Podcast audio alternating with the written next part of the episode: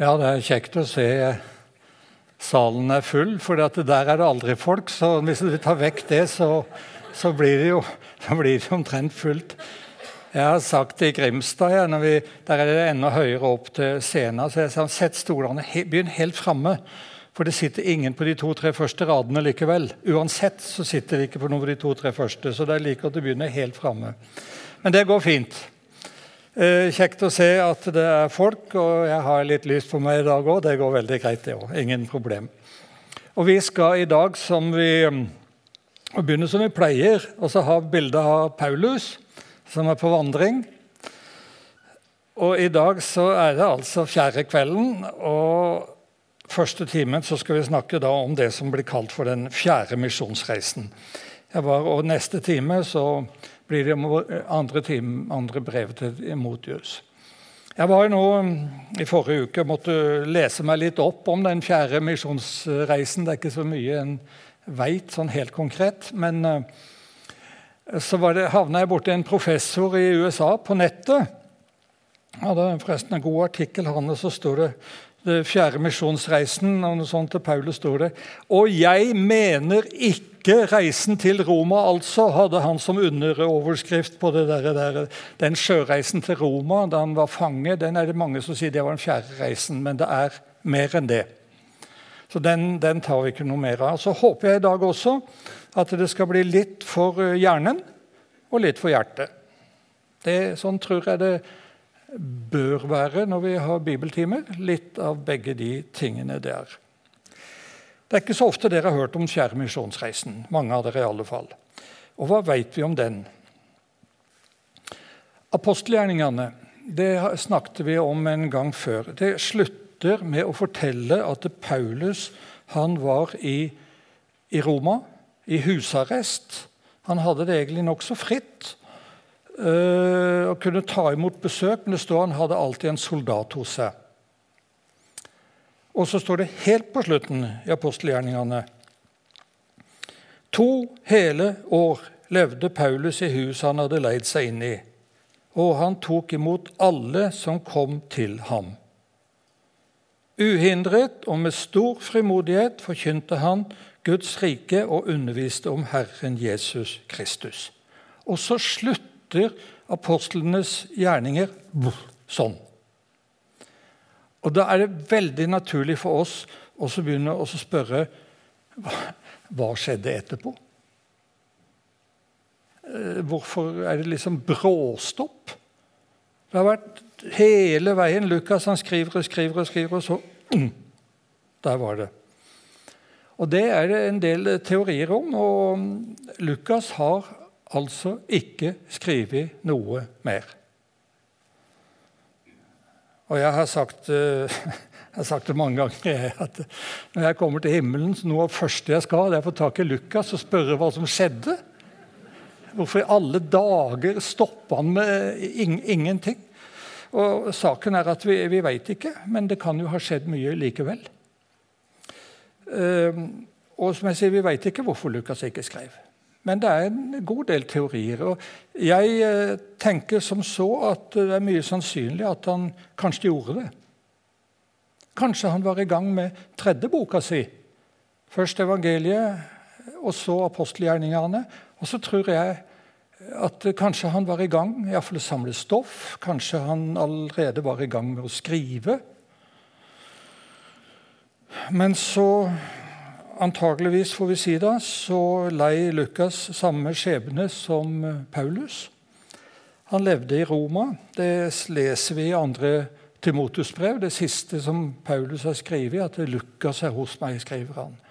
Og Den forfølgelsen som kom da, så kan det godt hende at Lukas også ble tatt og henretta.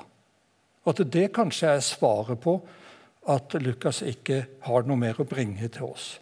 Jeg tror Lukas jeg har så tro på Lukas, jeg, altså, så jeg tror han var i gang med noe mer.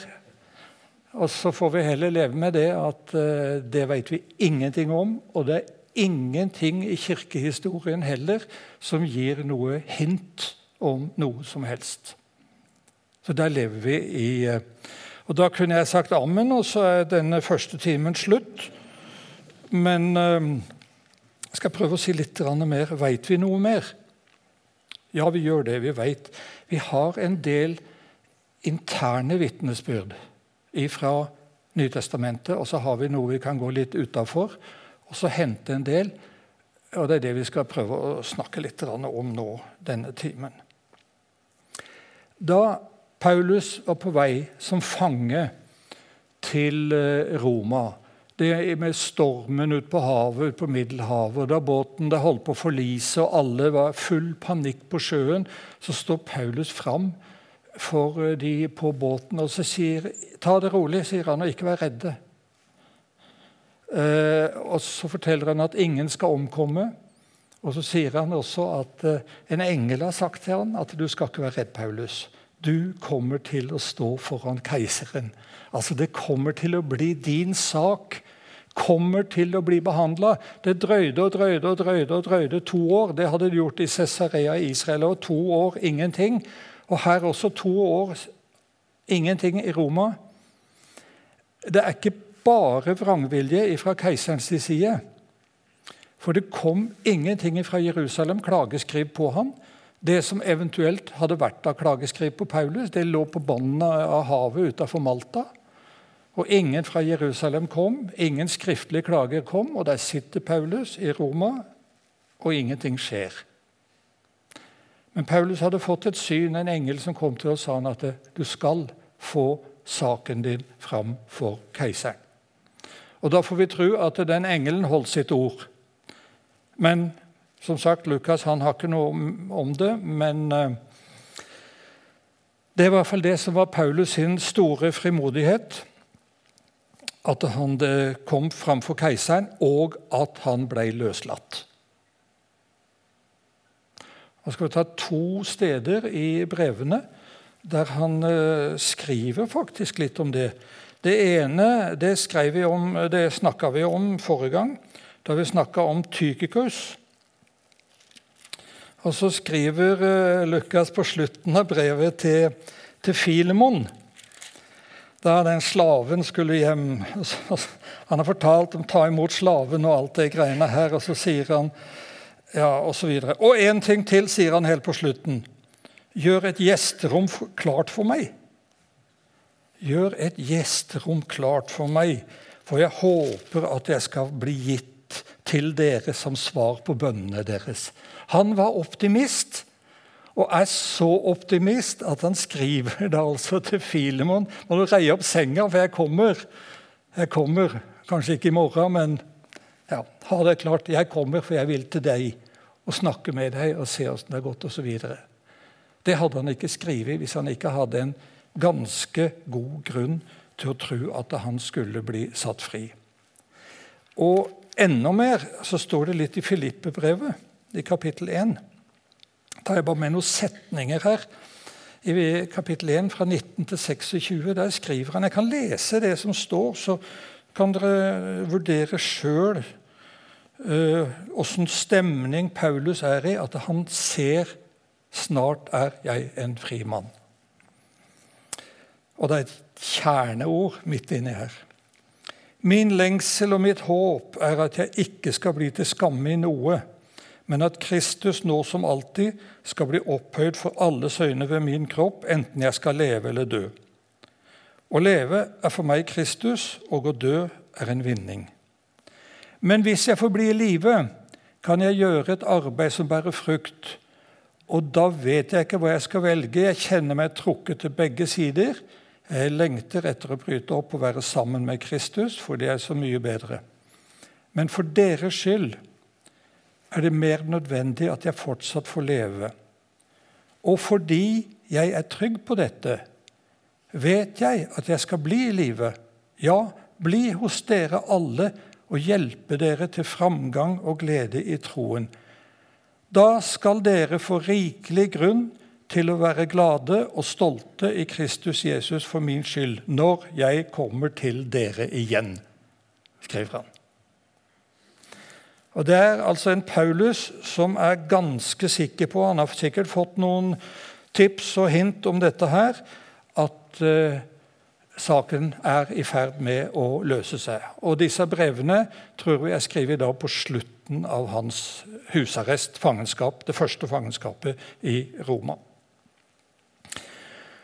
Og så finner vi i brevene, de siste brevene hans noen steder som, noen stedsnavn som ikke passer inn i noen av misjonsreisene. Kreta står det ingenting om i noen av misjonsreisene. Det ville vært rart om ikke det sto noe om arbeidet på Kreta. Og en by som heter Nikopolis, står det heller ingenting. Og det ville vært rart når han skriver at 'jeg blir i Nikopolis vinteren over', skriver han. Det var rart at ikke det ble nevnt i de tre misjonsreisene. Jeg skal, gå, skal, si litt mer om de to stedene litt seinere. Men altså um, Det er en del ting som henger litt, men som passer veldig godt hvis han ble satt fri. Vi får si det på, på den måten. Og så er i de, noen av de siste brevene, ikke andre Timotus-brev så mye, men i første Timotus-brevet og Titus-brevet de passer ikke inn på misjonsreisene. Det skal jeg også ta litt mer om. Eh, de, de, passer ikke inn i det som Lukas forteller fra de tre misjonsreisene. Men de passer ypperlig inn til ting som kunne komme etterpå. Det gjør de. Jeg skal ta en liten ting om det uh, litt seinere. Bare en liten parentes. Når det første, første Timotus og Titusbrevet og også andre Timotus, så er det forferdelig mange moderne teorier som sier at det er ikke Paulus som har skrevet det. Fordi det er en del ordvalg som er annerledes inne i de andre der og ditt og datt. Eh, det er så mye sånne ting. Det er ikke mye rart. Det har gått mange år siden de andre brevene ble skrevet, når han skriver disse brevene til vennene sine. Og Det er helt andre situasjoner, og det der, der kan dere ta ganske rolig. Så kan dere snakke med teologene som er her, og spørre de. Men det er også en del eksterne vitnesbyrd. Paulus han var to år i husarrest i Roma, og det er ca. i år 61-63. Han ble altså løslatt lenge før forfølgelsen som var eh, med keiser Nero. Den var mye seinere, den. Ja, mye, men han var iallfall seinere. Og hvis Paulus hadde sittet i fangenskap helt til da, så ville det ikke Lukas ha skrevet at han satt to år. Da ville det ikke stått noe tidsangivelse og ingenting. Så det at eh, Lukas skriver to år, det er nokså greit å si det at det må være før forfølgelsen under keiser Nero at han slapp ut av det fangenskapet. Og Nero var en ganske god keiser på den tida. Nero hadde en av de store romerske eh, filosofene, Seneca, og en annen som heter Burrus, som sine to eh, rådgivere. Og det var to gode folk. Og de styrte den etter hvert gale keiseren fra han var ung gutt. Han ble keiser da han var 17 år. Og de to de styrte han i en god retning, så langt det var mulig å gjøre. Så blir han Burus, han ene av de, han blir syk, han dør. De er nokså sikre på at det var kreft. Og så blir eh, Seneca, filosofen, litt lei og fikk noen anklager mot seg. og noe greier. Han trekker seg vekk ut av alt. Og så kommer det noe helt andre folk inn og tar styringen over keiseren. Og Da begynner det å rakne for han. Men til å begynne med så var ikke Nero så ganske ille. Han var ikke det. Og det som er noe av det Det som også skjer, det er brannen i Roma. Det er juli år 64. Det er en kjent sak. Juli 64. Roma var delt inn i 14 sånn distrikt, eller hva vi skal kalle det, avdelinger. Tre av de 14 forsvant i brannen. Totalt ødelagt. Fire av de ble ikke noe særlig berørt, og de sju i midten vi får si det sånn, de ble delvis ødelagt. Altså Det er en brann av så store dimensjoner at det er nesten vanskelig å forstå når Roma var bortimot en millionby. Og halve byen forsvinner omtrent. altså. Noen fullstendig og noe sånn halvveis. Og det var et katastrofebrann midt på sommeren når det er tørt og varmt og det blåser, og så er det en gnist som tenner, og så voff, går hele byen. Og så begynner arbeidet med å rydde opp. Og Nero hjalp til som bare det. Og en del av hans eiendommer ble også ødelagt. Så Nero var ennå i godlaget. Han var stormannsgal, det var han. Men han var ikke så og han hjalp. Men så får Nero en idé, eller en tanke. Han har sikkert tenkt det før. Nå når alt ligger i aske, nå kan jeg bygge opp noe stort som passer en verdenshersker sånn som meg. Og så tar han et område i Roma, rundt der Colosseum ligger. Mange av dere har vært der, i liksom områdene der. Og så tar han et område på omtrent 1 kvadratkilometer. Si det én gang én kilometer, sånn litt rundt regna, opp på bakken og nede i dalen. Der som Colosseum er, der de en, lagde de en innsjø. Og så lager han for å si nå har jeg muligheten til å lage noe som passer til min eh, posisjon. Så langt greit. Men tenk på alle de som hadde bodd på den kvadratkilometeren som nå må flytte ut av byen, omtrent. Alt som heter bygningsmateriale, hvor tror dere det gikk hen? Til Nero sine byggeprosjekt. Alt som heter bygningsfolk, hvor tror dere de jobba hen? På Nero sine bygninger og palass. Og da begynner ryktene å gå i byen. Det er han sjøl som har satte i gang denne brannen. Han gjorde det for å få noe stort og flott. Drittsekken, er det lov å si det? I Misjonshuset? Hvis ikke, så glemmer dere det. Ja. Og Da begynner ryktene å gå mot Nero. Og det er bare dårlig regjering. Jeg vet ikke om dere har hørt noen snakke om sånne ting, eh, men eh, det hender, det dårlig styring og alt mulig sånt. Nå. Og så begynner det hatet mot Nero å vokse. Og da kommer også panikken. Hva gjør jeg nå? Og så får han hjelp av noen, og så setter de i gang et slagord, eller hva dere vil. Det er de kristne som har tent på byen. De har snakket om at verden skal gå under i flammer og alt mulig sånt noe på dommens dag. Og så har de tent på, og det er de som har skylda. Og hva er konsekvensen? Vekk med de til løvene. Send de kristne til løvene. Og Dette eh, var ikke gjort på en dag etter at brannen starta. Det går ganske lang tid, og forfølgelsene mot de kristne starta i alle fall ikke før i 65. Og vi veit ikke helt nøyaktig, men sånn omtrent der. Og så eh, At Paulus satt i fangenskap til så lenge, det gjorde han ikke. Ganske så sikkert. Og En av kirkefedrene nå er vi på 300-tallet, han skriver rett ut at Paulus sitt mar martyrium det var ikke i løpet av det første fangenskapet. Han var nok en fri mann i to-tre år. Og hva gjorde han da? Det, nå var jeg ferdig med innledningen. Og nå skal vi Hva ville Paulus? Han hadde skrevet om det før, da han for mange år siden skrev romerbrevet. Da var han i Korint, ferdig med tredje misjonsreisen sånn noenlunde. Og så skriver han i romerbrevet, og så sier han nå er jeg ferdig her, sier han, i disse områdene. Nå vil jeg til verdens ende. Jeg vil til Spania. To ganger i det lille avsnittet der så nevner han at han vil til Spania.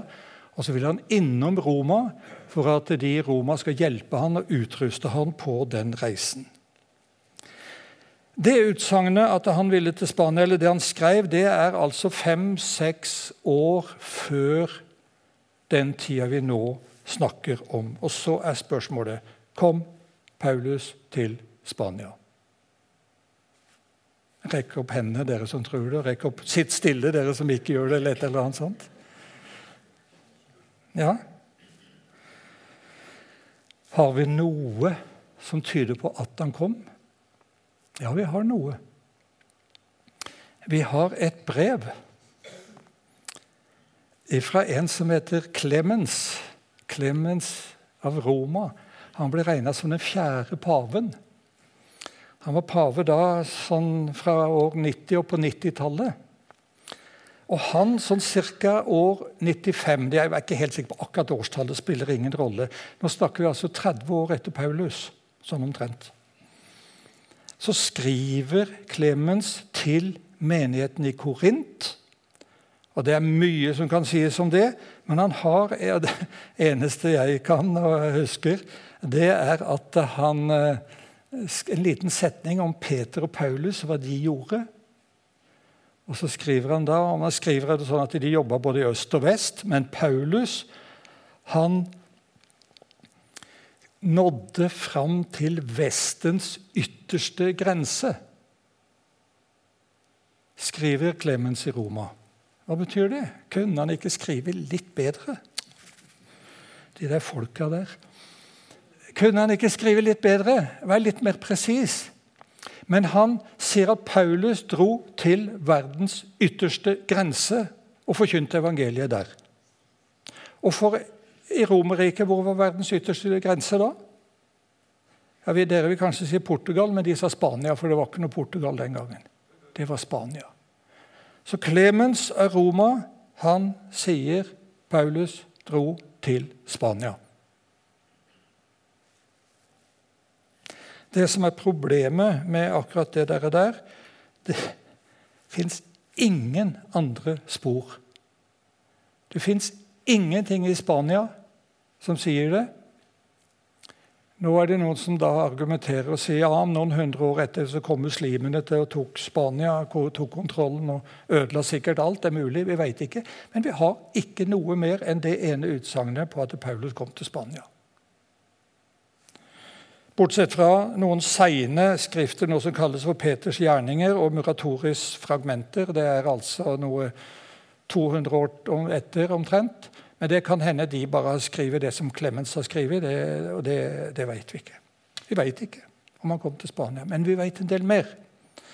Men nå skal dere få se en Der er en sånn kanskje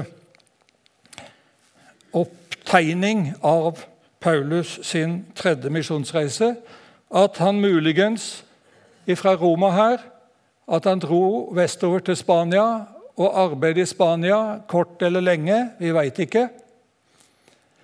Og så reiser han tilbake til de gode, gamle områdene våre her.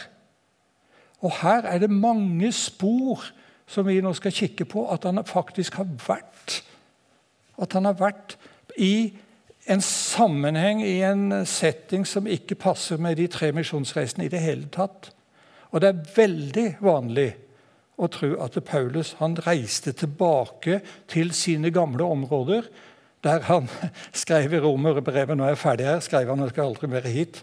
Han følte seg ferdig, men så har det skjedd en del i de områdene som nok har gjort at han reiser tilbake til de stedene. Eh, nå har jeg eh, det der og der, og nå kan dere få det, dere som sitter der borte, skal få det litt større. Det er akkurat det samme. Da jeg la inn det, så glemte jeg at, eh, at jeg hadde det der. og det blir, men Hvis noen ser dobbelt, så er det jo greit. Så får dere to, og dere andre får feste blikket på et av de kartene der. Det er mulig reiserute. Jeg nevnte i stad Kreta. Det er ingenting som tilsier at Paulus var der. Og Nå skal vi lese litt fra brevet til Titus. Først er det Paulus tjener osv. Og det og skriver jeg hilser Titus, mitt ektefødte barn vår felles, i vår felles tro. Nåde og fred fra Gud, vår Far, og Kristus Jesus, vår frelser. Dette er en sånn vanlig innledning for Paulus. Og Så kommer det i kapittel 1, vers 5. Jeg lot deg bli igjen på Kreta for at du skulle ordne det som fremdeles var ugjort, og innsette eldster i hver by, slik jeg påla deg. Jeg skal lese det en gang til. Det går nokså klart fram at Paulus var sammen med han. Jeg lot deg bli igjen på Kreta for at du skulle ordne det som fremdeles var ugjort, og innsette eldste i hver by, slik jeg påla deg. Og så kommer åssen den eldste skal være, osv. Så og så videre, sånne ting. Det tyder veldig sterkt på at Paulus har reist enten fra Spania eller fra Roma. Og så har han iallfall kommet til Kreta. Nå har de blåst Kreta ned der. ikke bry dere om det. Her er Kreta. Og så har han vært der ei tid sammen med Titus og ganske sikkert Timotius og ganske sikkert et par andre også. Og så har han vært der ei stund. Og så sier Paulus jeg må videre, men du, Titus, du blir igjen her. Paulus plasserte folk. Det har vi snakka om før også. Han plasserte folk på de. Og Titus han er en av jeg kaller de ryddeguttene til Paulus. Det ikke, kanskje, jo, det var rydding her òg. Det var en del problemer. Det var det. Men uh, han er en av ryddeguttene, og Timotus er en andre. og han er sikkert flere ryddegutter. Du skal rydde opp, og du skal ordne, og du skal organisere menigheter på Kreta. Jeg ble ikke ferdig da jeg var der. Nå setter jeg deg igjen her, og nå fortsetter du den gjerningen. Og Så reiser Paulus videre. Og Da har han, har han vært eh, i Miletus. Det kan ta det, altså Der står det litt i andre Timotus-brev om en som ble sjuk, og som ble igjen der når Paulus reiste videre derfra igjen. Det har ingenting med tredje misjonsreisen å gjøre. Dette er en annen, en som ble sjuk. Vi kan ta og lese det. Det er ikke verre enn det. Mm. Erastos ble igjen i Korint, står det, og Trofimos lot jeg bli igjen i Miletus fordi han var syk. Når Paulus reiser videre du, Trofimos, du får bli igjen her til du blir frisk. og Så kan du heller komme opp til Efesus og møte meg der. og så videre, sånne ting. Er Han er helt personlig og forteller hva han har gjort i de brevene der. Og så var det i eh, brevet til Filemon, som jeg nevnte i stad. Eh, det har vi ingen andre spor om. Kanskje han tok turen inn der for å hilse på Filemon. Spørre åssen det gikk med Onesimus. Inn og besøke de. Han hadde nok på den tredje misjonsreisen Etter det, Den gangen så hadde han reist forbi her. Men nå vil han inn kanskje, og besøke Filemon og se åssen det står til der. Og så har han garantert reist tilbake igjen eller til Efesus. Og nå, husker dere, når jeg leste til Titus hva han sa for noe, skal dere høre hva han skriver til Timotius i første brevet til Timotius. Først er det hilsen. Paulus Kristi, Jesu apostel etter befaling fra Gud osv. Så sånn. Da jeg dro til Makedonia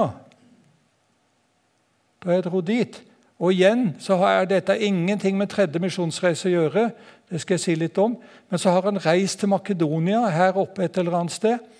Og så skriver han til at jeg lot Timotus, jeg lot deg bli igjen. Da jeg dro til Makedonia, ba jeg deg bli igjen i Efesos, så du kunne forby enkelte å komme med en annen lære. Det var kommet vranglære inn i Efesus.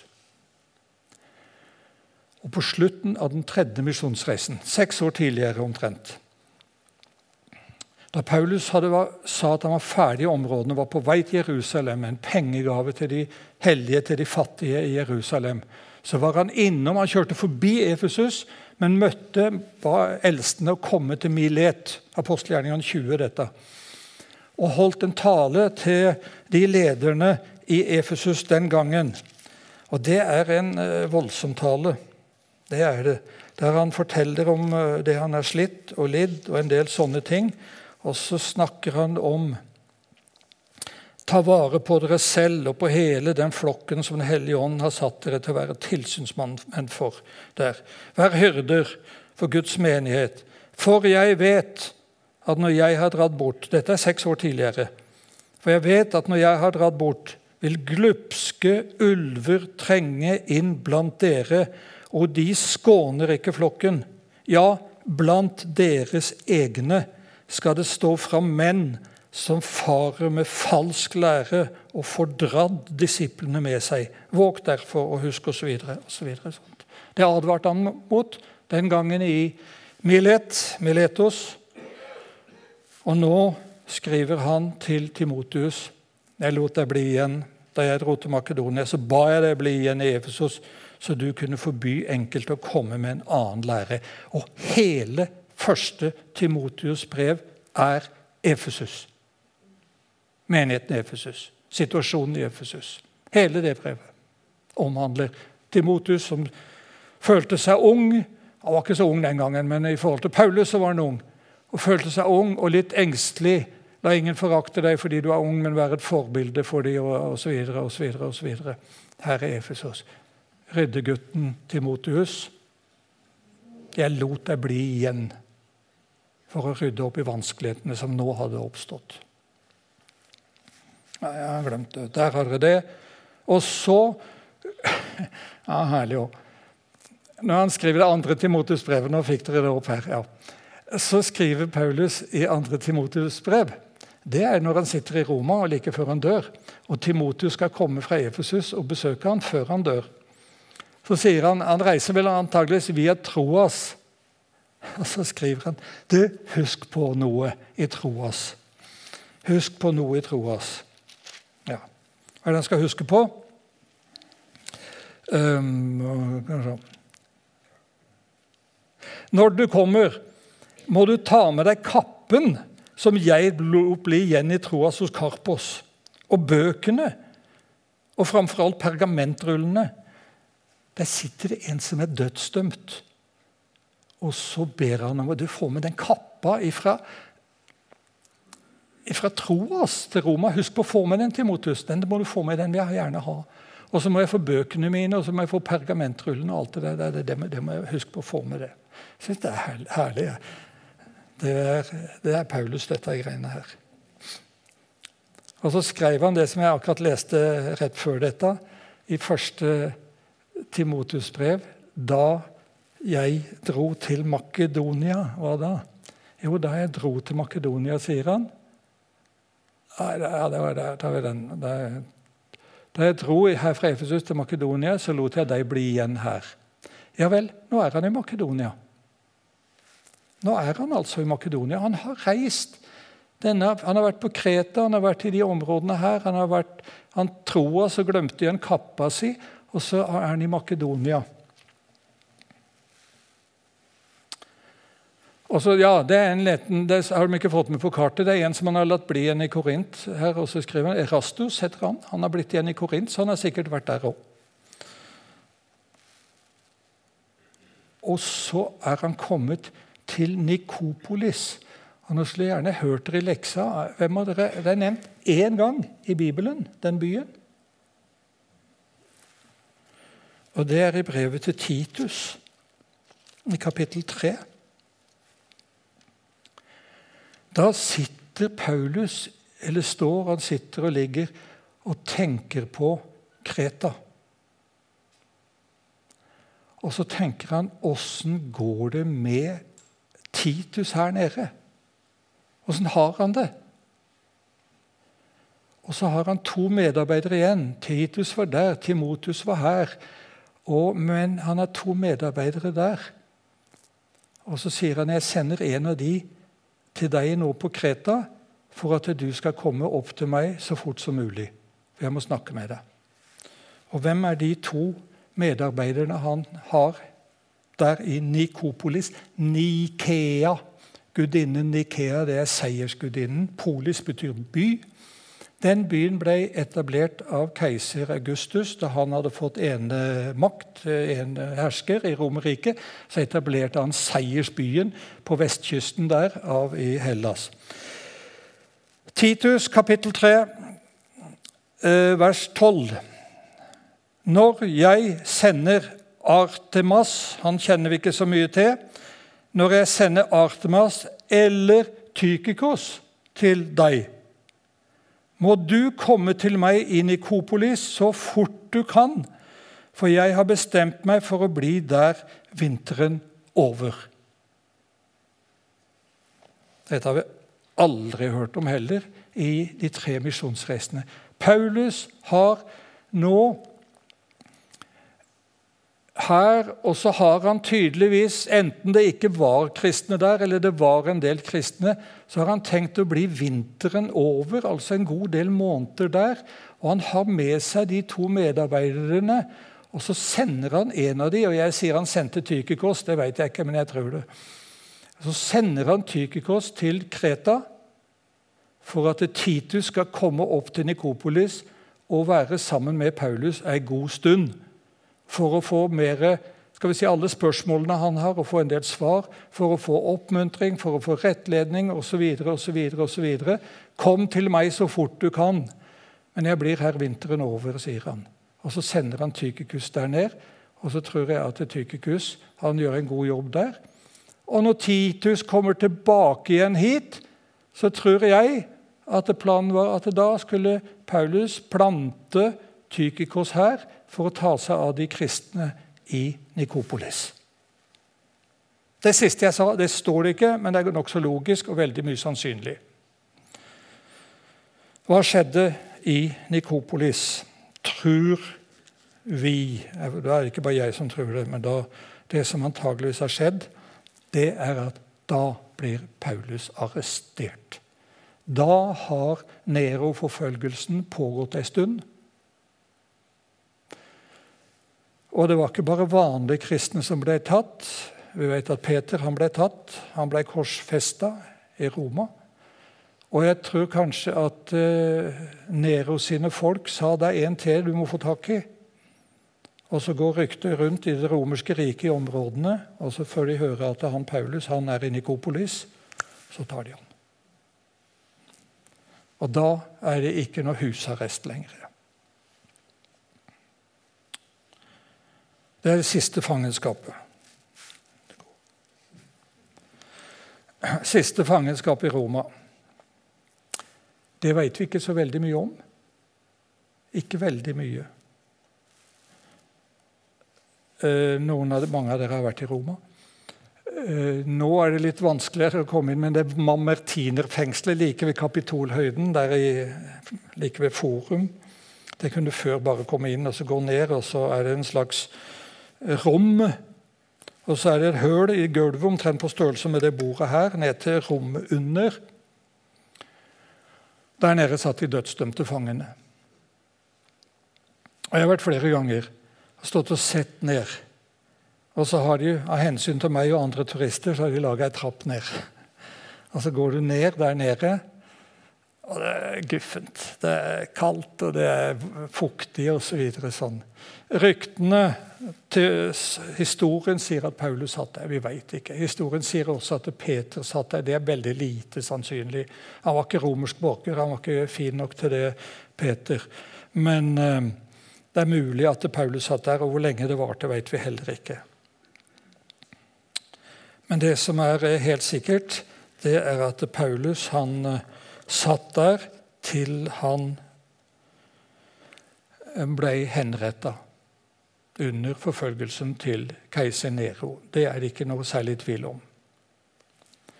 Jeg sier, det er ikke sikkert at det var Nero sjøl som gjorde det, det var ganske sikkert ikke, men som sørga for at Paulus ble henretta. Men den tida han hadde i Roma, så skriver han til Timotius Kom så jeg kan få se deg en gang til. Det skal vi snakke om i neste time. og Da altså skriver Paulus det andre brevet til Timotus. Det er det siste vi har fra Paulus sin hånd, og det er antageligvis det siste også som, eh, som han skrev.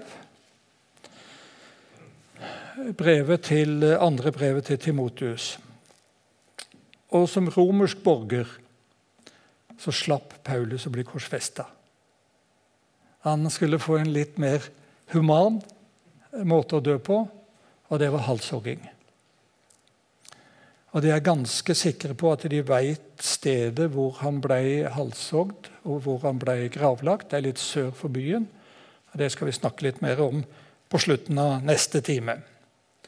Men nå får dere friminutt. Det var to minutter før tida, men jeg beklager det.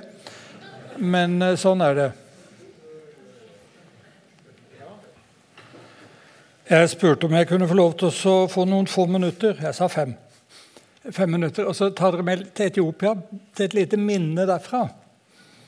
Eh, vi er i 1988, så det er ikke så veldig lenge siden. Men vi kom ut til en ny periode. Dette var i kommunismens verste tid, altså. Ja. Og så vi, hadde vi vært på en side av landet av Etiopia før, og nå ble vi plassert i en, på en misjonsstasjon som heter Gedole. Mange av dere kjenner iallfall navnet Gedole. Og vi hadde fått høre og visste at i Gedole var det veldig vanskelig. Eh, det var forfølgelser hele tida. Kirkene var stengt i distriktet. Bare den på stasjonen var åpen, og misjonsstasjonens ledere hadde mista all frimodighet. Absolutt all frimodighet. De hadde signert på at de ikke skulle gå utafor området på misjonsstasjonen og forkynne evangeliet. De var livredde. Så hele distriktet var Og Så ble vi plassert der, og så var det jo sånn med, i gamle dager med misjonærene, iallfall sånn som oss, som ble plassert i det evangeliske arbeidet, at når vi kom til et sykehus eller med våre andre misjonærer, så spør de reiser du mye ut i distriktet og preker. Det var, liksom, det var den gode misjonæren som reiste masse ut i distriktet. Og jeg sa nei, jeg gjør ikke det. Det er ikke mulig. Hva gjør du da? Nei, prater med folk. Hva skal du si for noe, da? Legene jeg opererte så og så mange i går ettermiddag. Og jeg har, eh, de sykepleierne har gitt vaksiner til så og så mange, og alle sammen. Og så står vi og gjorde vi ingenting. Tenkte Jeg gammel, jeg var litt um, voksen da, så skulle jeg være tålmodig, tålmodig, tålmodig. Og prøvde å gå veldig forsiktig. Alt. Bibelskolen hadde vært stengt i tolv år. Ja. Eh, og så fikk jeg litt kontakt med rektor oppe på barneskolen. i alle fall. Og spurte, Jeg hadde spurt om jeg kunne begynne med en bibeltime for ungdommene i kirka. Nei, det var ikke mulig. Ingen, ingenting var mulig. Og så snakket jeg litt med han eh, rektoren oppe på barneskolen eh, langt utpå der. Og, og jeg kunne i et klasserom få lov til å ha noen, litt for noen elever. Ja, dro han litt på det, så sa han jo vi får prøve. Og så avtalte vi en dag. Altså neste lørdag eller et eller annet sånn. Da skulle vi komme klokka fire. Jeg husker ikke nå. var et eller annet sånt. Yes. Og så sprang jeg hjem til Karin. Jeg sprang nedover bakkene. Endelig! Endelig! Nå begynner døra å åpne seg. Ja, hva da? Vi skal begynne på, oppe på skolen. Jeg skal få bibeltime. Når da? Lørdag neste uke? Odd, lørdag i neste uke er julaften.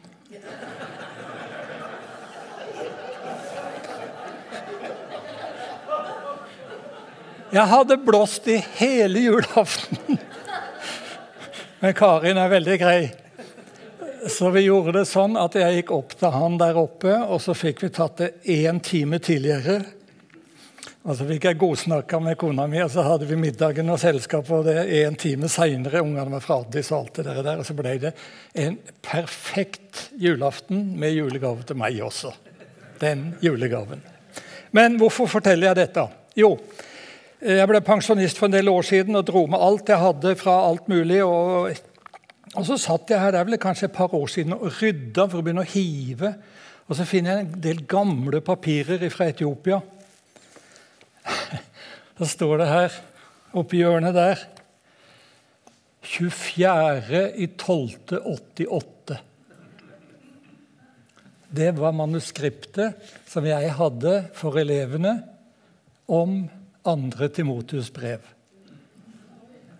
Og jeg hadde åtte punkter. Første punktet Paulos Serenia Jehones eller ungel no. Og så skal dere få det første punktet etterpå. Jeg kunne bedt noen av dere å tolke litt, men jeg skal ikke bry dere med det. Det var så kjært minne. Jeg ante ikke at jeg hadde det i gamlerotet mitt. Og det skal jeg gjemme så lenge jeg lever.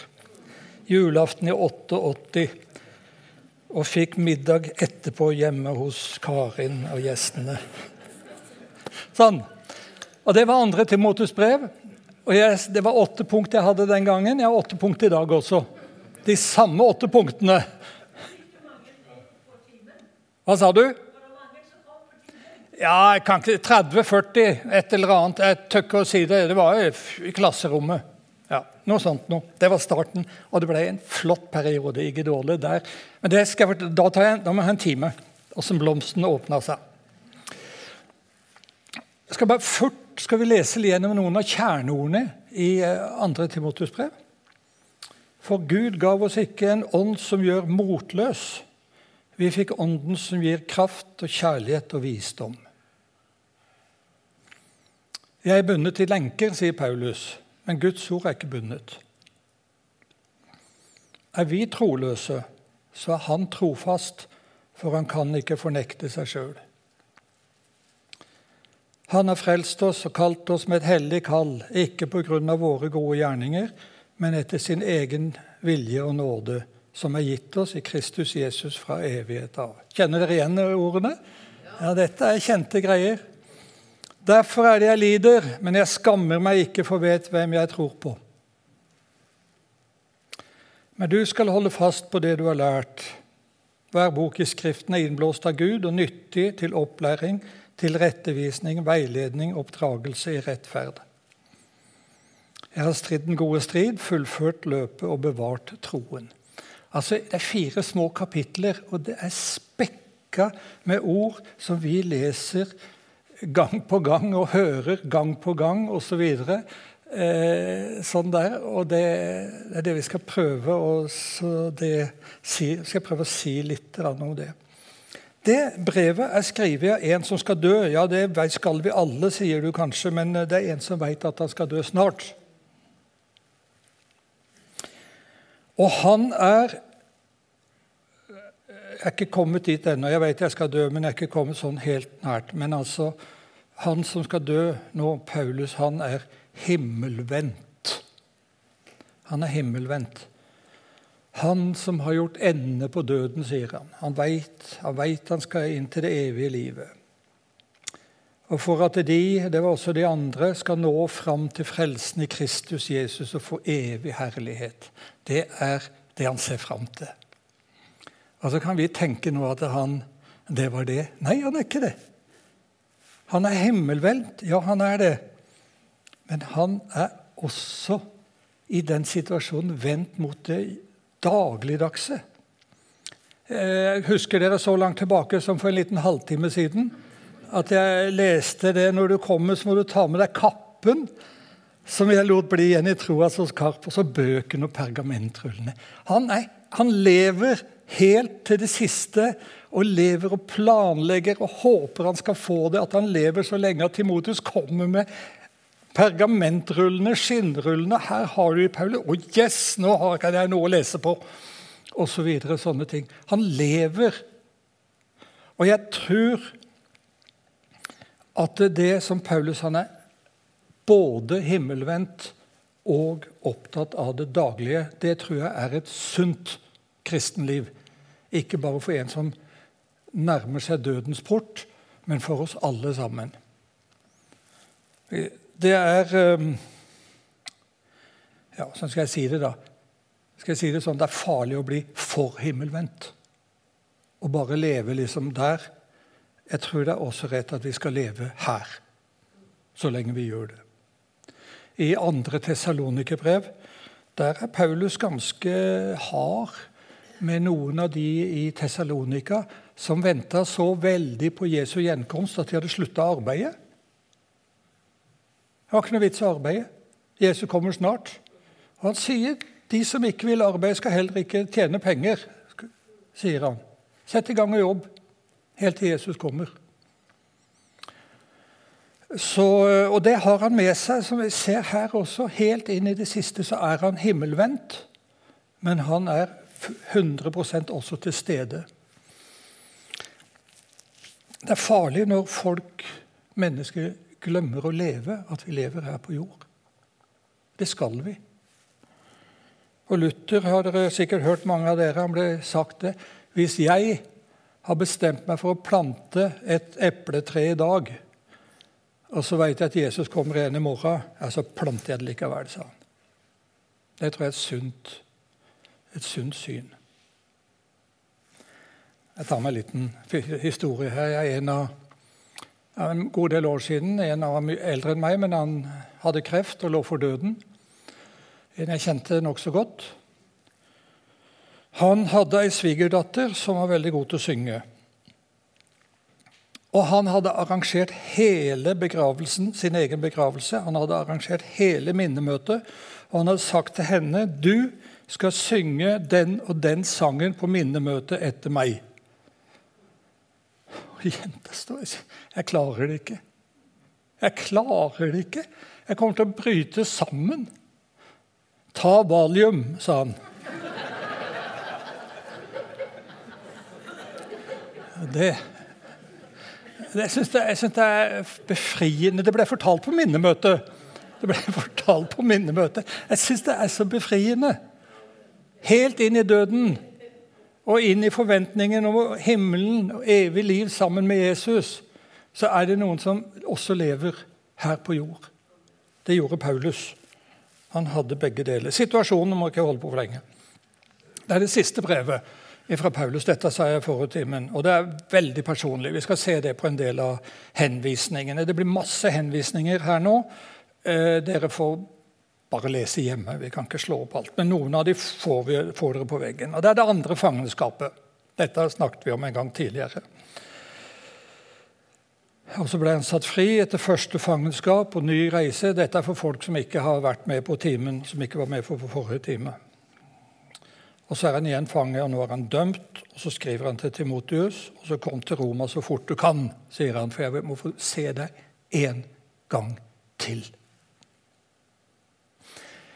Jeg har ikke snakka mye om Timotius på disse kveldene vi har hatt her. Han har vært der hele tida. Liksom. Han, han, ligger der hele tida. Jeg har ikke sagt så mye om han. Hvem var han? Han var en ganske ung mann da han ble med Paulus. Vi veit ikke. 16-17-18 år, et eller annet sånt. Og han ble Paulus sin aller nærmeste medarbeider så lenge Paulus levde. Fra en gutt guttunge og opp til en voksen, middelaldrende mann, så var han Paulus sin aller, aller nærmeste. Og Det får vi en del bevis på. Men når vi leser litt det står Han var nok en eh, forsiktig kar. Kanskje litt engstelig, det vet vi ikke. Paulus skriver i andre der 'Jeg husker dine tårer', skriver han. Og i første Timotus brev der så la ingen forakte deg eller se ned på deg fordi du er ung, men være et forbilde for de troende. Og Du får en del sånne ting. Og så var han sjuk også. Han var mye sjuk. Mageproblemer. Fikk beskjed til med å drikke litt vin. For det, det var mildende mildne noe av de problemene han hadde med helsa si. Han var ikke noe sånn Brutus og tøffing. Han var en forsiktig type uh, Timotius. Det behøver ikke være så voldsomt for å være en god kristen medarbeider og evangelist. Kanskje bedre det ikke er det.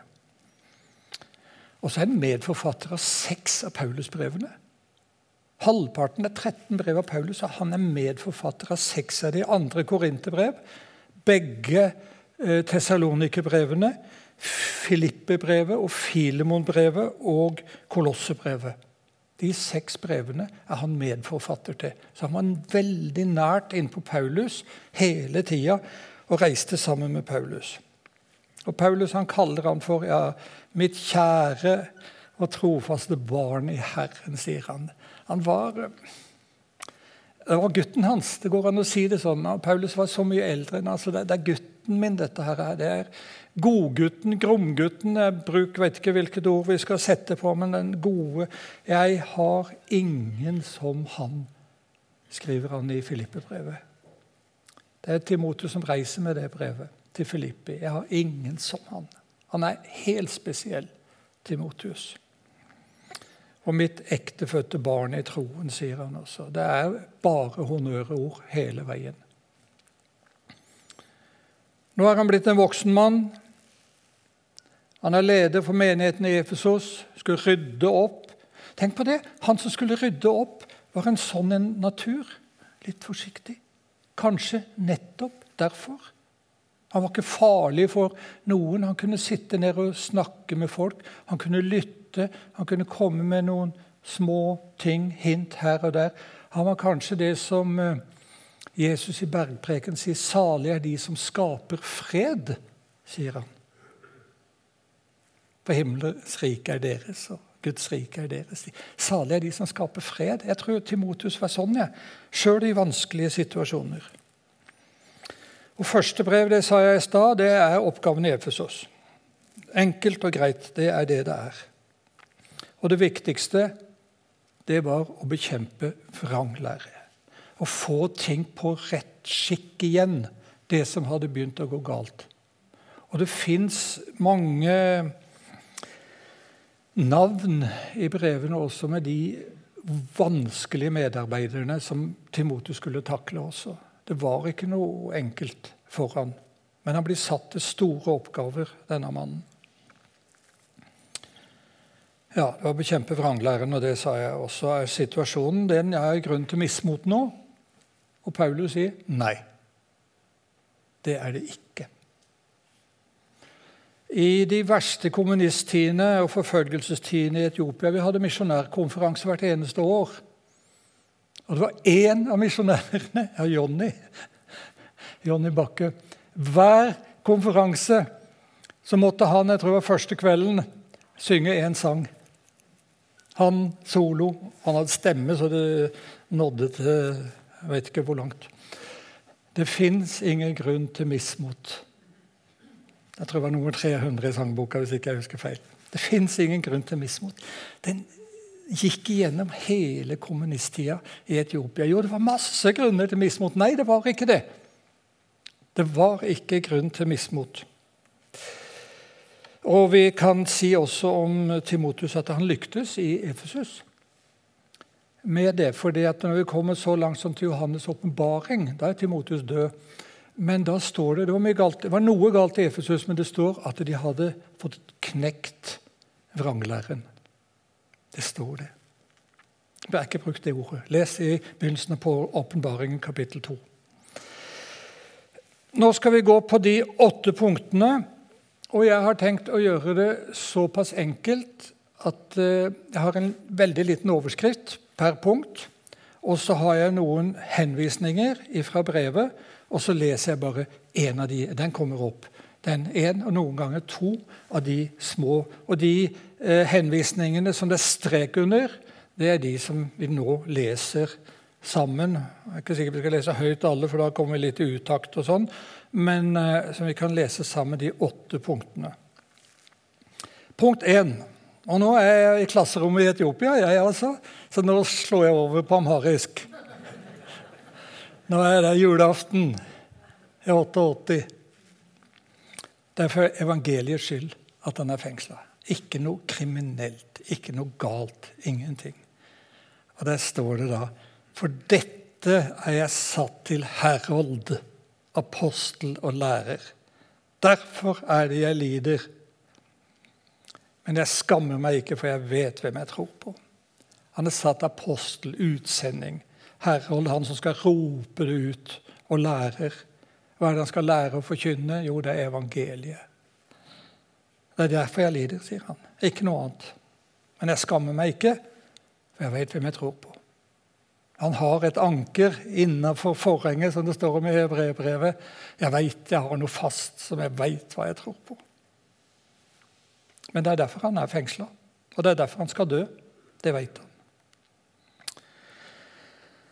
Og Så kommer et av de um, stusslige alle har forlatt ham. Alle har forlatt meg.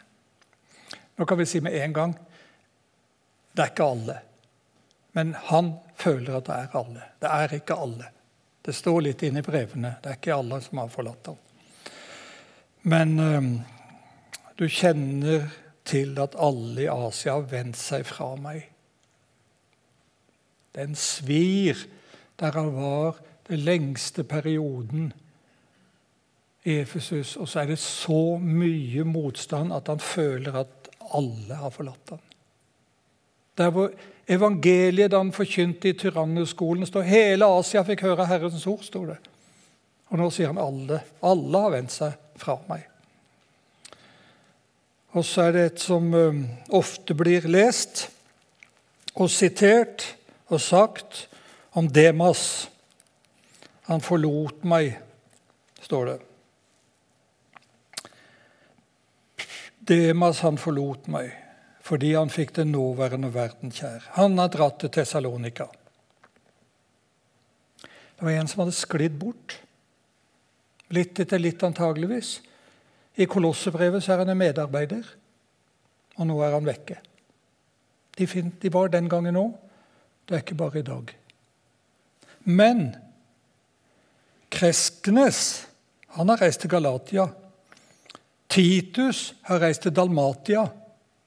Og disse har ikke forlatt han. De har blitt sendt, de. Han drev ennå på Paulus og sendte. Bare Lukas er hos meg. Ta Markus med deg når du kommer, han er til stor hjelp for meg i tjenesten. Og så er det en til han har sendt. Tykikos har jeg sendt til Efesus. Så det at han føler seg aleine, det er ikke bare fordi alle har forlatt han, han, han sier det, men, men, eh, mange av de har han sendt ut, og så er det bare Lukas igjen hos han helt til det siste. Og så Vær så snill, prøv å komme så fort du kan. Og Sjøl om mange, hele Asia og alle har vendt seg vekk fra han, så har ikke Gud forlatt han. Og Derfor så er han med godt mot. Det er godt gjort. Går det an å bruke et sånt et ord? Det er godt gjort. Han er ved godt mot, sjøl i den situasjonen han er i. Jeg tror Lukas hjalp han veldig. For Gud ga oss ikke en ånd som gjør motløs. Vi fikk ånden som gir kraft og kjærlighet og visdom midt i en vanskelig situasjon. Gud ga oss ikke en ånd som gjør oss motløse. Og hvor mange ganger blir ikke vi motløse? Jeg tror kanskje jeg er litt optimist av legning, men hjelpe meg, jeg veit hva det er å være motløs. Jeg òg, jeg gjør det. Og dere som har en litt tyngre legning, dere er sikkert enda oftere motløse. Og Da kan både dere og jeg eh, lese han som sitter der i fangehølet, at han sier nei, det der, det kommer ikke fra Gud. Og Da kan gjøre som Luther gjorde når han ble anfekta. Han tok blekkhus og sendte i veggen der han trodde djevelen var, for å bli kvitt han. Og Så sier han der når de andre har forlatt han, han er alene. Men Herren, han var med meg og ga meg styrke til å fullføre forkynnelsen så alle folkeslag kunne få høre. Tenk på det! Helt til det siste. og fullføre forkynnelsen så alle kunne få høre. Ennå sender han ut. Sendte eh, Tykikos han sendte Kreskenes til Galatia, han sendte Titus til Dalmatia. Han driver på ennå og jobber gjennom disse herre. Og Timotus, som han er plassert i Efesus, nå må du komme, for jeg må få se deg en gang til. Og Det er vel derfor han har sendt uh, Tykikos til Efesus, antageligvis for å være der istedenfor uh, istedenfor Timotus når han kommer til Roma. Det er noe fint med dette. Og så oppmuntrer han Timotius til å holde ut i lidelsen. Lidelse er eh, Nei, jeg skal ikke si det er et fremmedord for oss, men det kan lett bli veldig teoretisk. Lidelsen fordi vi er kristne. Skam deg ikke over mitt vitnesbyrd om vår Herre, og heller ikke over meg, som er fange for Hans skyld. Jeg har ofte skamma meg og tidd stille. Jeg er ikke flink til å ta kontakt på buss eller tog eller ute med folk. Jeg skammer meg over at jeg er så feig. Jeg gjør det. Og så sier han ikke skam deg over vitnesbyrden om vår Herre. Det var lett i Etiopia, for da var du, da var du misjonær når du kom ut. Du var plassert, men i Norge så kan du klare å skli unna. Og det er iallfall en fristelse for meg. Og så står det med 'bær lidelsene for evangeliet', du også. Det er en sammenheng. Det var en sammenheng den gangen. I store deler av verden i dag så er det en veldig nær sammenheng mellom å være kristen og bekjenne Jesu navn og være utsatt for forfølgelse og lidelse. Massevis. Og jeg tror det kommer hit òg. Kanskje ikke sånn med halshogging og alt det der greiene der, men det skrues igjen. Jeg tror jeg nevnte det en av de første kveldene her om ungdommer nå som har gått på bibelskole. De er i en skvis når de skal søke arbeid. For hvis de skriver at de har gått på bibelskole, så er det veldig lett for mange arbeidsgivere å bare skyve det vekk, søknaden. Hvis de ikke skriver at de har gått på bibelskole, så spør de hva gjorde du det året. Det står ingenting om det. Og så er det vanskelig for mange kristne. Og jeg tror det blir verre. Jeg tror det blir verre. Det er ingen garanti for å få statsstøtte til skolene i framtida. Våre kristne skoler. Ingen garanti. Da er det vi som må bla opp. Det kan hende det strammes til på så mange statsstøtte her og statsstøtte der. Det kan fort stoppe det. Fordi at vi ikke vil gå med på alt som sies, og sånn som det skal være nå til dags. Bær også du lidelsene som en god stridsmann, står det igjen.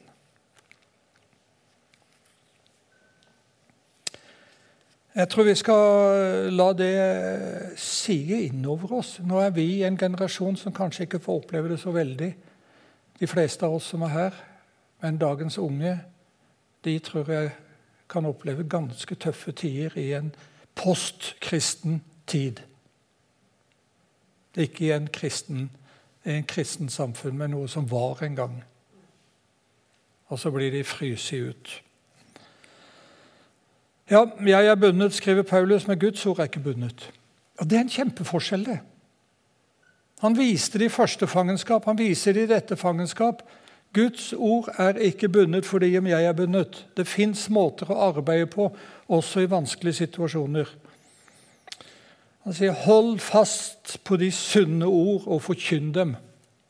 De sunne ord, den sunne lære som han sier her, ha de sunne ord du har hørt av meg som forbilde, i tro, i kjærlighet og kjærlighet i Kristus Jesus. De sunne ord, altså lærdommen. Hva var Timotus satt og kjempe mot? Vranglæren. Hvordan kan du bekjempe den? Ved å forkynne de sunne ord, den rette lære.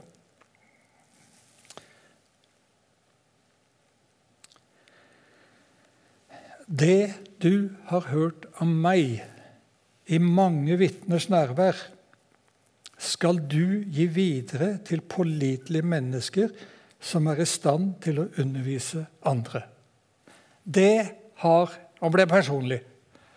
Det har hele tror jeg, min tid i Etiopia vært mitt eh, jeg sier Det var jo ikke veldig mye oppbyggelig og sånn der, da. Men, nei, men det har vært, jeg har hatt det på foran skrivepulten min.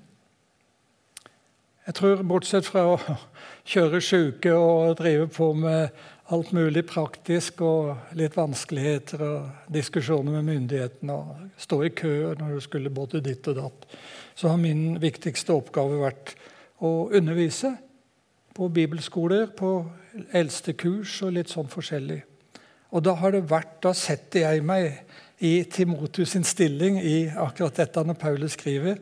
Det du har lært av meg, sier Paulus, det blir i mitt tilfelle det jeg har lært av Guds ord.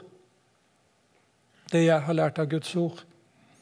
Det skal jeg gi videre til pålitelige mennesker som på sine hjemplasser kan undervise andre. En misjonær kan ikke fly rundt og nå alle mulige men du kan nå noen. Der gjorde, var Paulus også et forbilde med tyranneskolen i Efesus. Han hadde ungdommer, sendte de ut. Nå skal ikke jeg begynne å fortelle så mye det, men det har vært mitt i Etiopia, altså mitt kall, om dere vil, i Etiopia. Å prøve å gi videre det jeg sjøl har lært, sånn at de kan lære andre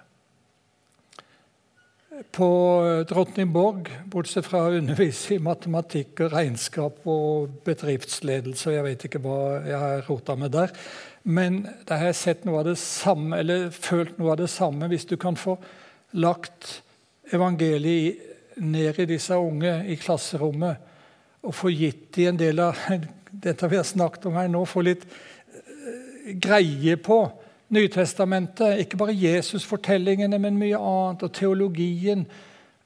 Og så kan de ta det med seg videre i neste generasjon. Det er barnebarngenerasjonen de nå, men, men altså At jeg kan få lagt igjen noe i noen mennesker som kan undervise andre. Det der, der er Paulus ord til meg, i tillegg til noen andre. Og det burde være det til oss også.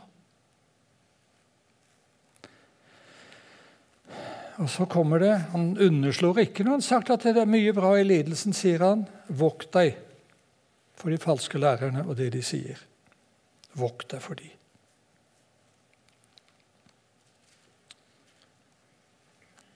Vend ryggen til det ugudelige og tomme snakket.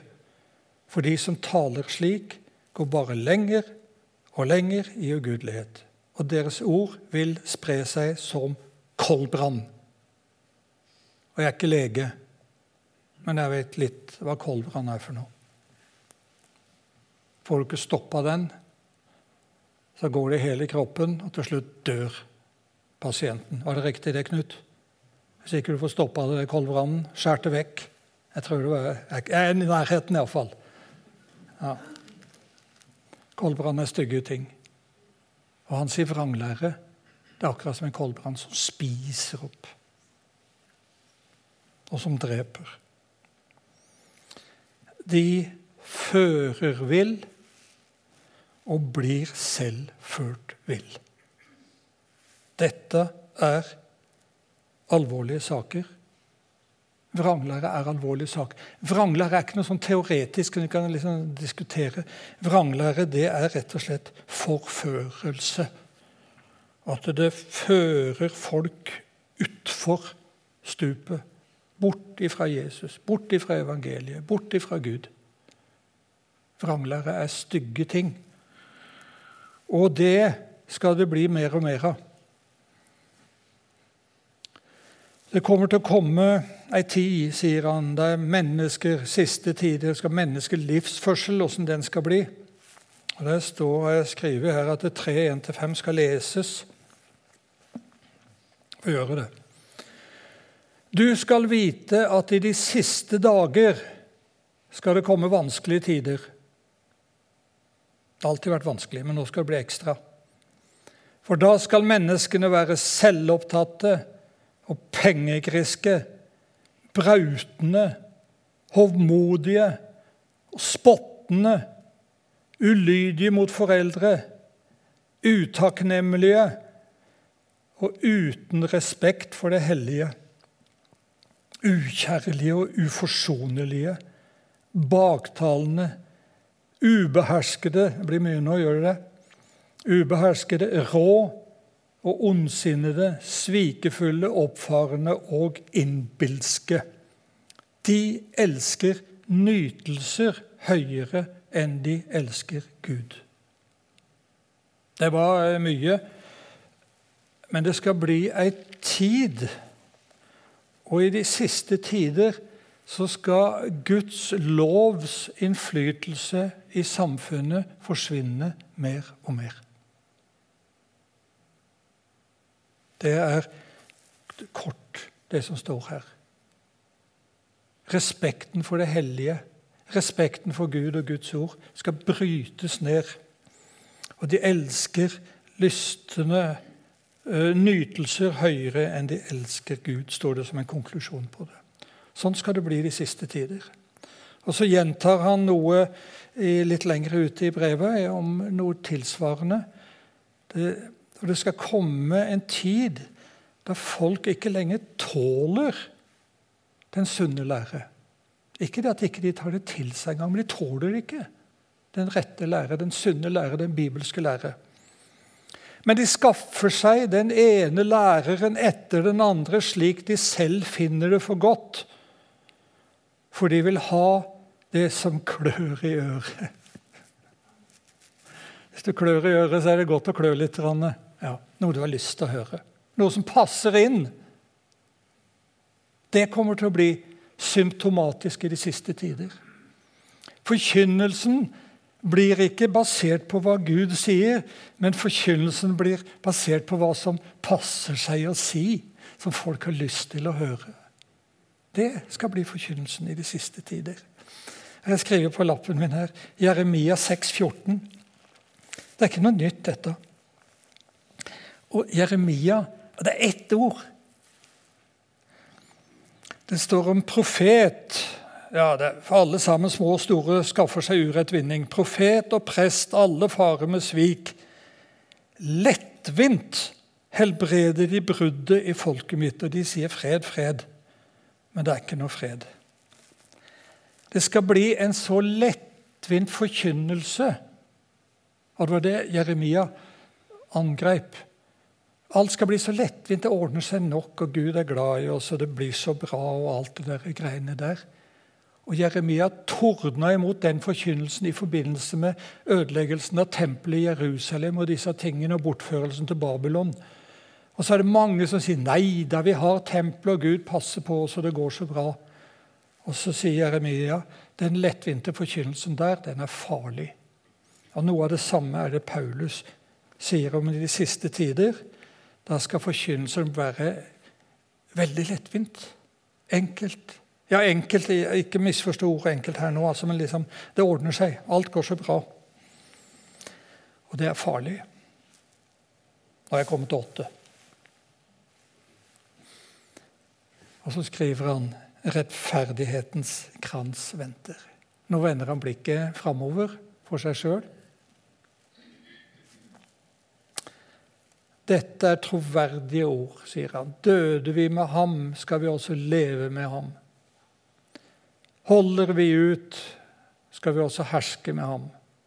Dette er det evige livet. Fornekter vi ham, skal han fornekte oss. Den er stygg. Er vi troløse, så er han trofast. Og så blir det liksom retta opp igjen. Og vi er troløse, men han er trofast. For han kan ikke fornekte seg selv. Vi har tilsvarende Johannes første brev, kapittel 1 og kapittel 2 osv. Så sånne ting. Og så har jeg gjemt Paulus sitt aller siste vitnesbyrd.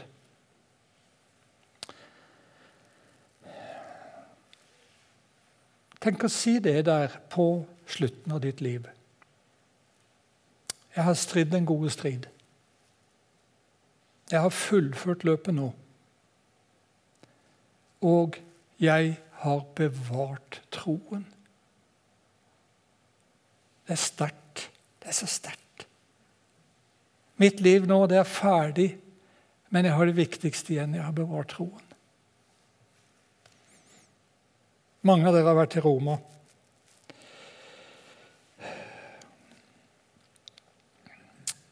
Sør for byen, ikke så veldig langt sør for byen, så er Romas vakreste kirke. Glem Peterskirken. Glem Peterskirken! Det er mas og kav og jag. Og hva som En elev sa til meg, vi hadde vært i noen av kirkene i Roma. Spurte hun fins det ei kristen kirke her i landet, her i byen. spurte hun. Det, men altså, det er så mye turisme, det er så mye alt annet. Og så er det ei kirke sør for byen som er Pauluskirken utenfor murene, sier de. Det er der hvor Paulus ble gravlagt. De er ganske sikre på det. Det er funnet, gjort uh, arkeologiske utgravinger, og de har funnet noe fra 300-tallet der det står 'Pavlos Mart' står det på en stein eller nesten en sarkofag. Paulus martyren, altså. Uh, står det der, og de, de, er helt sikre. All tradisjon sier at det er her han er gravlagt inn i den kirka. Hvis dere ser nøye på den statuen foran kirka der, så ser dere en spiss som går opp. Det er at han holder et sverd. Perulus blir alltid eh, laga med et sverd i hånda. Og Det er fordi han sier at 'jeg har stridd den gode strid'. Det var mange kamper i livet hans. Og nå på slutten av sitt liv så har han stridd den gode striden for Jesus. Han har fullført sin tjeneste og bevart troen. Jeg har mange ganger eh, hatt med elever hit. Det er, da, det er da jeg koser meg. Og så setter jeg ned på høyre side, der dere ser i, under de der søylegreiene helt til høyre i bildet der. Og så setter jeg ned her, sier jeg. Og sitter tett, for de blir mange. Og så begynner jeg som regel med sånn omtrent, og så har jeg sagt det at den verste ble den beste. Og det er Paulus, det. Det er Paulus, det. Den verste ble den beste. Og nå er vi her, her hvor han er gravlagt. Og så vi, repeterer vi litt av det vi har hatt i undervisningen, og sier litt om han. Og det med å følge Jesu kall i den oppgaven som han har kalt oss til. Å være klar på slutten av livet og så kunne si sånn som han sier. Og, så. og Hvis det er på ettermiddagen vi har vært der, og sola skinner på den mosaikken oppi gavlen der oppe Den skinner, og det er gull. Den skinner i gull. Og så går vi inn, og så er vi inne i Pauluskirken sør for nå. Det, veldig ofte så er det ikke noe stoler der. Her, Ikke her nedover, men det er helt framme der. Der er det. det er flere messer hver eneste dag.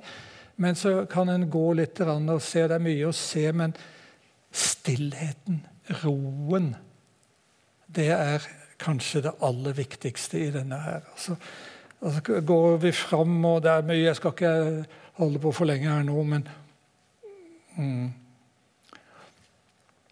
Den gullmosaikken her framme, der er Jesus. Og så står Paulus der. Der er Paulus der. Og hvem står rett ved siden av Paulus? Har dere ikke fulgt med, eller? Det er Lukas. Lukas er der, og så er det Peter og så er det Andreas. Som står nærmest. Og nå er det ikke så lett for dere å se, men denne firkantgreiene her, det er høyalteret. Og det er mye og bak høyalteret. Det, det greiene her er bak, men høyalteret. Og under der det går en trapp ned. Det er der Paulus' grav er nede i der. Altså kan du, du får ikke sett, se inn, og så sier de her nede lå Vi får si lå Paulus den gangen. Han som har stridd den gode striden. Ett minne fra en sånn en tur. Det var fire jenter, elever som var veldig flinke til å synge. Og så var gulvet tomt, sånn som her.